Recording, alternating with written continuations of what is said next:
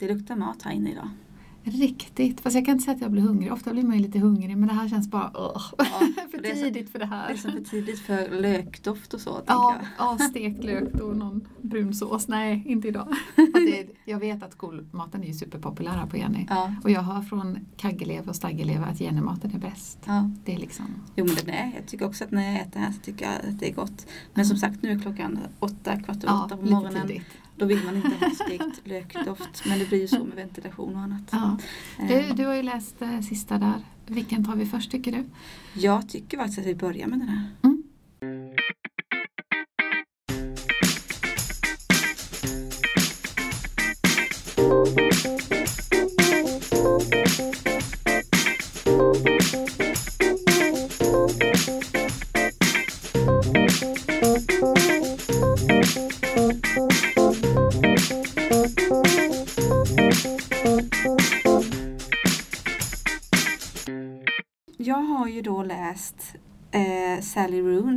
Senaste.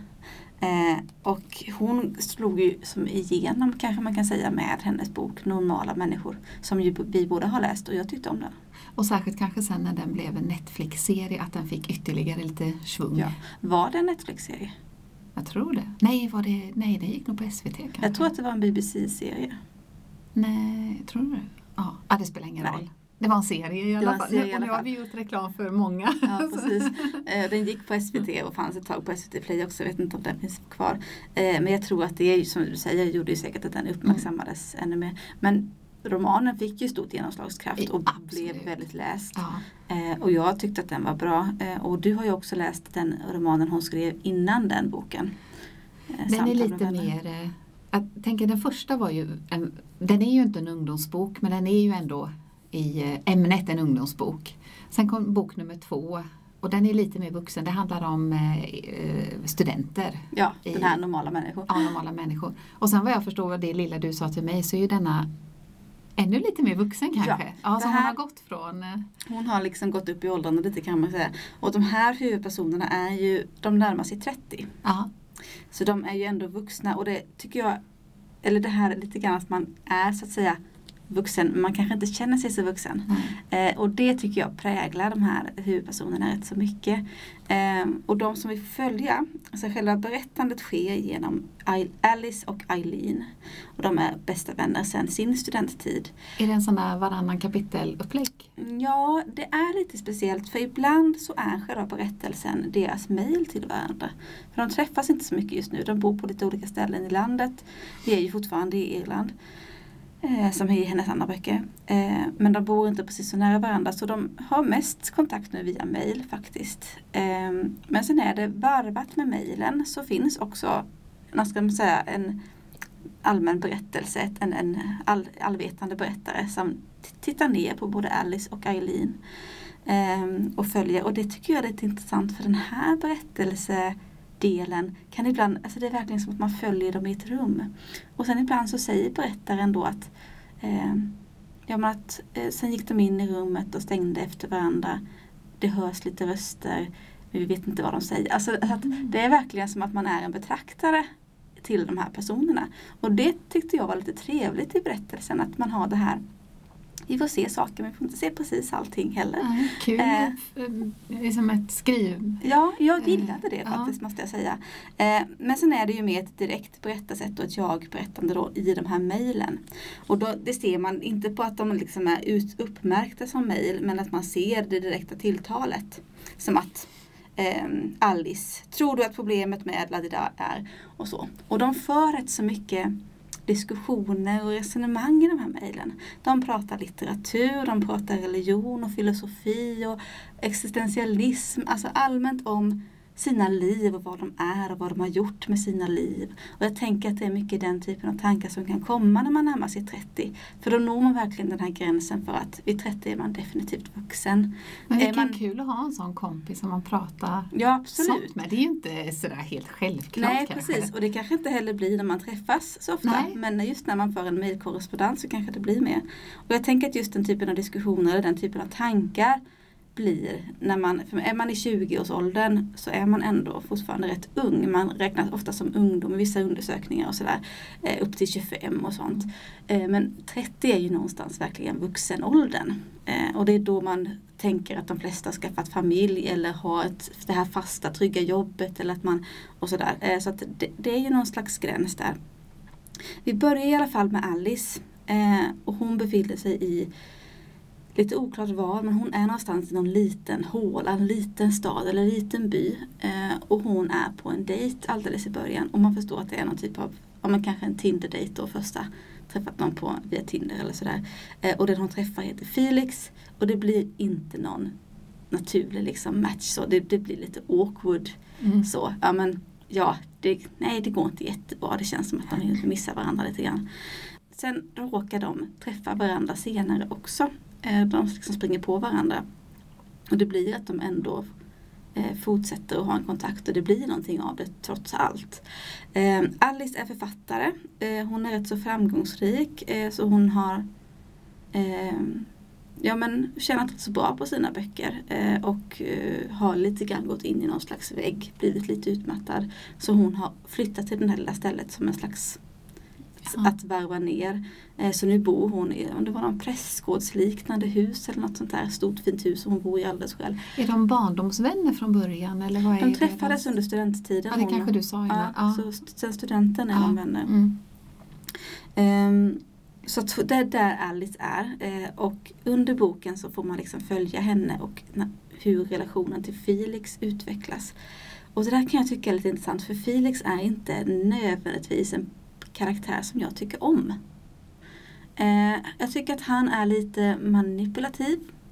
Man är osäker på vad man har honom. Man vet inte om han egentligen gillar Alice eller om det är hennes pengar han tycker om och hennes berömda status. För det är någonstans, tycker jag i alla fall, när han får reda på att hon är en känd författare. Som, jaha, Ja, men okay. någonting. Ja. ja. så jag är lite osäker på honom hela boken känner jag. Och ibland tycker jag verkligen att han känns otrevlig och spelar något slags spel med henne. Eh, men Alice också har sina issues kanske man kan säga. Sen har vi då Eileen eh, som befinner sig i Dublin. Hon eh, hankar sig väl fram lite kan man säga. Hon har ett rätt så lågbetalt jobb på någon liten litterär tidskrift. Eh, och hennes liv är i rätt så hög grad präglat av en fram och tillbaka relation med Simon. Och Simon har hon känt hela sitt liv sedan hon var liten. De var grannar tror jag eh, i barndomen. Han är väl en sån där men fem sex år äldre och har alltid känts som en väldigt vuxen person i relation till Eileen. Um, och när hon var så här med 14-15 hade rätt så kämpigt, hennes stora syster hackade på henne och hon kände sig väldigt utanför. Så var det som att Simon ändå såg henne.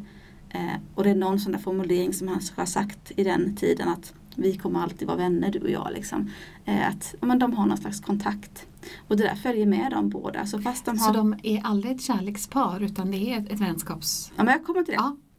Eh, att, att fastän de har olika relationer och förhållanden på varsin sida så är det som att de alltid har lite av en hand utsträckt mot varandra på något vis. Eh, och man förstår ju som läsare att här finns ju väldigt starka varma känslor. Och det finns en kärlek där men frågan är vilken sorts kärlek. Eh, och sen blir det, det utvecklas till att de ibland har sex med varandra och sen, men det blir ändå inget förhållande av det. Och man förstår att här sker väldigt mycket misskommunikation. Alltså att egentligen vill nog båda utveckla detta. Men den andra den vet inte vad den andra vill. Men kan inte du känna igen det lite från normala människor? Ja, absolut. Det För det är ju jag. verkligen sådär hela tiden. Och där får man ju verkligen de olika två karaktärernas perspektiv och man ja. förstår att de har tolkat en situation helt olika ja. och därför blir det fel. Ja. Och så kan, det, så kan det vara i den här också. Så det är väl den relationen kanske man kan känna igen lite i, i så. Och det kan ju vara frustrerande, man vill ju verkligen bara gå in och säga nej men hallå, ni mm. tänker, alltså. det är som, så. ja, som läsare är det en sån, för det kommer jag ihåg från normala människor, man vill ju bara hoppa in i boken och liksom sätta reda dem framför ut. varandra. Ja, reda ut. ja, så det kan man verkligen känna med Eileen och Simon. Eh, det jag gillar med boken är dels den här mejlkorrespondensen mellan de här två vännerna som jag tycker blir väldigt intressant. Alltså det är intressanta resonemang och det det kanske också är det som gör den ibland inte helt lättläst, som gör att den känns rätt så vuxen, att det är så avancerade resonemang ibland. Man behöver ändå hänga med lite. Eh, sen tycker jag att själva relationsberättelsen, ehm, eh, om man säger, de här båda, eh, det är det som kanske skapar ett driv, för man vill ju någonstans veta. Man vill veta vad är grejen med den här Felix och kommer de att komma över de här olika hindren som de har byggt upp i sina huvuden, Eileen och Simon. Eh, så det finns ju ett driv i det. Sen kan jag tycka att det kanske ibland blir lite tillrättalagt eller lite, åtminstone när det gäller förhållandet mellan Eileen och Simon. Det blir ibland lite väl gulligt kanske, eller lite väl, ja, det är svårt att säga.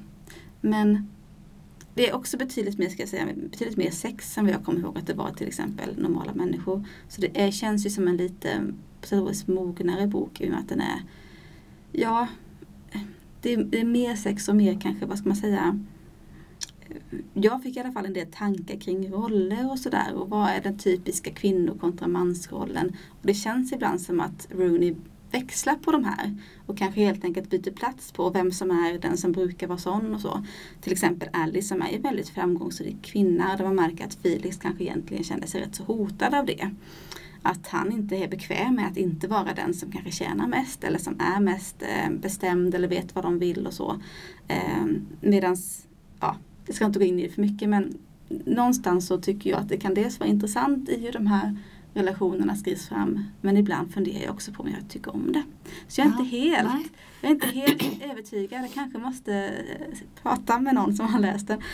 Um, men um, på det hela så tycker jag ändå att den är bra och jag tycker om eh, berättelsen och sen tycker jag att hon är duktig ändå på att skriva den här författaren. Hon, hon lyckas ju fånga läsaren och, eh, och som sagt det här lilla berättarperspektivet där man känner sig som en i rummet som bara följer Eh, det, det tyckte jag om. Mm. Mm.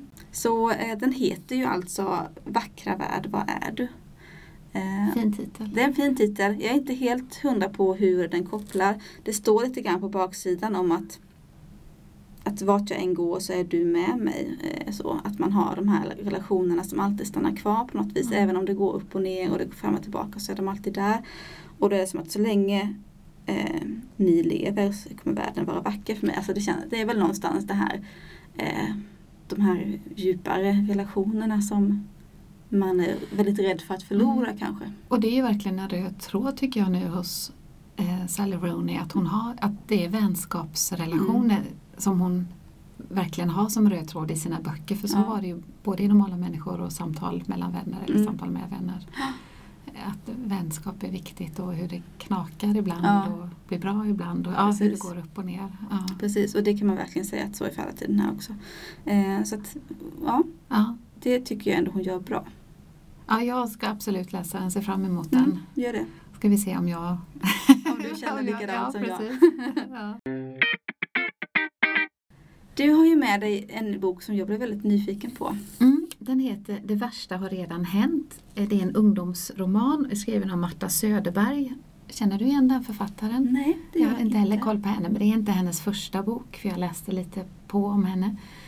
Ehm, I sidantal är den ska vi se här, ja, runt ett hundra, hundra sidor. Mm. Men som du ser här, jag visar upp för dig här ja, nu. Precis. Så varje sida har ju egentligen bara ett stycke. Ja. Och på vissa sidor är styckena bara ja, några få rader och andra är de lite längre. Men alltså det är väldigt lite text ändå totalt i mm. boken. Mm. Och jag tycker att hon på ett jättehäftigt sätt ändå får med så mycket i de här raderna.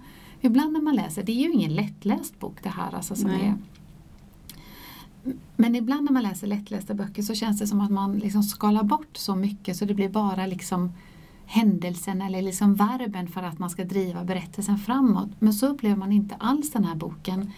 Utan på de här korta raderna så får hon med sånt otroligt liksom, känslospektrum hos de här människorna och särskilt då hos huvudpersonen som heter Bianca. Så jag var väldigt liksom, lite fascinerad mm. över, jag tycker det är häftig författarkonst. Verkligen. Att, eh, du, du, får läsa den så inte jag har liksom läst in för mycket i det här. Nej, det blir spännande. Du ja. Men vad handlar den om? och då handlar den om den här tjejen Bianca. Och redan de här första små kapitlerna så förstår man att det är någonting som hänt i hennes familj. Det finns en enorm skuld och ja, skuld i familjen. De pratar inte med varandra.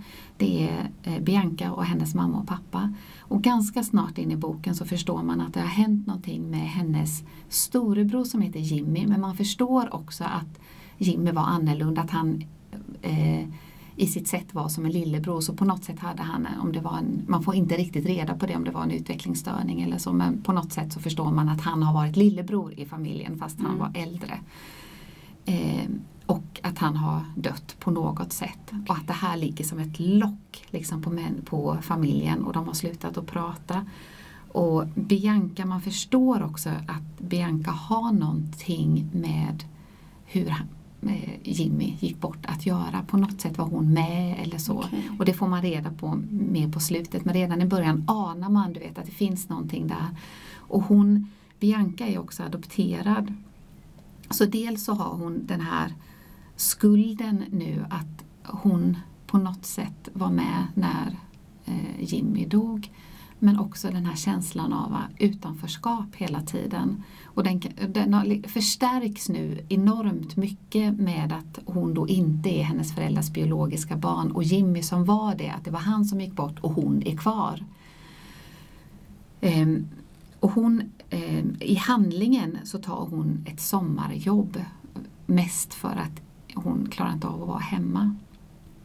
Och det här sommarjobbet är ett städjobb på en städfirma och hon och en arbetskamrat som heter John ska, kallar man det för, dödsstäda, men de ska liksom städa ut en lägenhet efter en tjej som har, som har blivit mördad. Okej. Och det blir en liksom bearbetning i det här för Bianca för hon blir helt alltså, involverad i det här dödsfallet. Hon går till biblioteket och tar reda på allt vad som hänt, läser allt om det här. Och eftersom det var en ung kvinna som gick bort och det var faktiskt en ung kvinna som eh, dödade också. Och det är ju Ja, lite ovanligt. Mm. Så det, det har ju stått mycket om det så hon gräver sig ner i det här. Men den bearbetningen går liksom parallellt med hennes egna bearbetning med vad som har hänt i familjen och med Jimmy på ett jättefint sätt. Liksom. Och så möts de här historierna.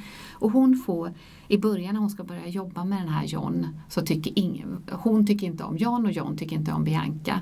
För hon tycker att han verkar vara bah, sådär. Och John tycker att hon verkar vara en överklassflicka som ska gå här och städa, ja ja Mm. sådär. Och Bianca har ju aldrig sett sig som det för hon har ju alltid sett sig utanför med sin mörkare hud och ett, okej. en Mm. familj som är vit och skolor som är till stor del vita. Så, så hon har ju aldrig liksom haft den rollen innan så där får hon ju en ny roll i förhållande till John. Men de hittar till slut varandra och det är faktiskt John som blir den där lirkande som liksom lirkar upp Bianca och får henne att känna sig trygg och kan berätta om vad som har hänt och sådär. Ja, men jag, jag, jag blev vä- väldigt fascinerad över boken, att den kunde säga så mycket fast den har så få Mm. ord i sig. Men är det mycket som man får läsa in själv som mellan rader och så? Nej, men jag tycker kanske inte riktigt det ändå. Utan på något sätt så får hon med både vad som har hänt och hur, hur känslorna i den här Bianca liksom går. Mm. Och hennes relation med föräldrarna och med John och med Jimmy och med det här dödsfallet och lägenheten. Så hon får med liksom väldigt mycket på korta meningar. Ehm, på något sätt så hittar hon väl precis de där scenerna som måste vara med för Ja, att driva historien framåt. Mm. Eh, Så jag tycker absolut att det här är en bok som man kan rekommendera. Den, den, dels det här att den handlar om utanförskap. Eh, Och det är många ungdomar som har lite den känslan. Mm. Eh, Och sen det är klart, då har den det här adoptiv perspektivet men också en begynnande ungdomskärlek Mm. mellan Bianca och John. Så den liksom täcker ändå in ganska mycket. Så Ja. jag tror många skulle tycka om den, Ja. tror jag. Mm. Ibland i början när jag läste de här korta styckena eller kapitlerna så tyckte jag det var lite skönt. Sen lite längre in i boken, för då har man ju lärt känna Bianca då, och då skulle man nästan vilja ha lite längre kapitel. Så det var Ja, nästan det. lite irriterande där på slutet att man, Ja, det. ja, att eh, det var nästan lite för kort där. Ja, Hon hade Men- kunnat utveckla det Ja, egentligen egentligen kanske. tycker jag kanske Och det är lite... på kapitlen allt som. Ja, Mm. för, för man liksom lär ju känna Mm. karaktärerna och då vill man veta lite mera. Men jag tycker ändå hon lyckas. Mm. Så ja, Marta Söderberg, det värsta har redan hänt. Spännande. Jag ska absolut läsa den. Ja. Det var ju dagens två böcker eh, och nu är det ju Ja, på lördag är det gymnasiemässa. Ja, nu ska vi gå och förbereda biblioteket Precis. lite för den. Precis, men så nästa vecka förhoppningsvis kommer vi tillbaka med ett nytt avsnitt. Absolut, det gör vi. Tills dess, Hej då! hej hej!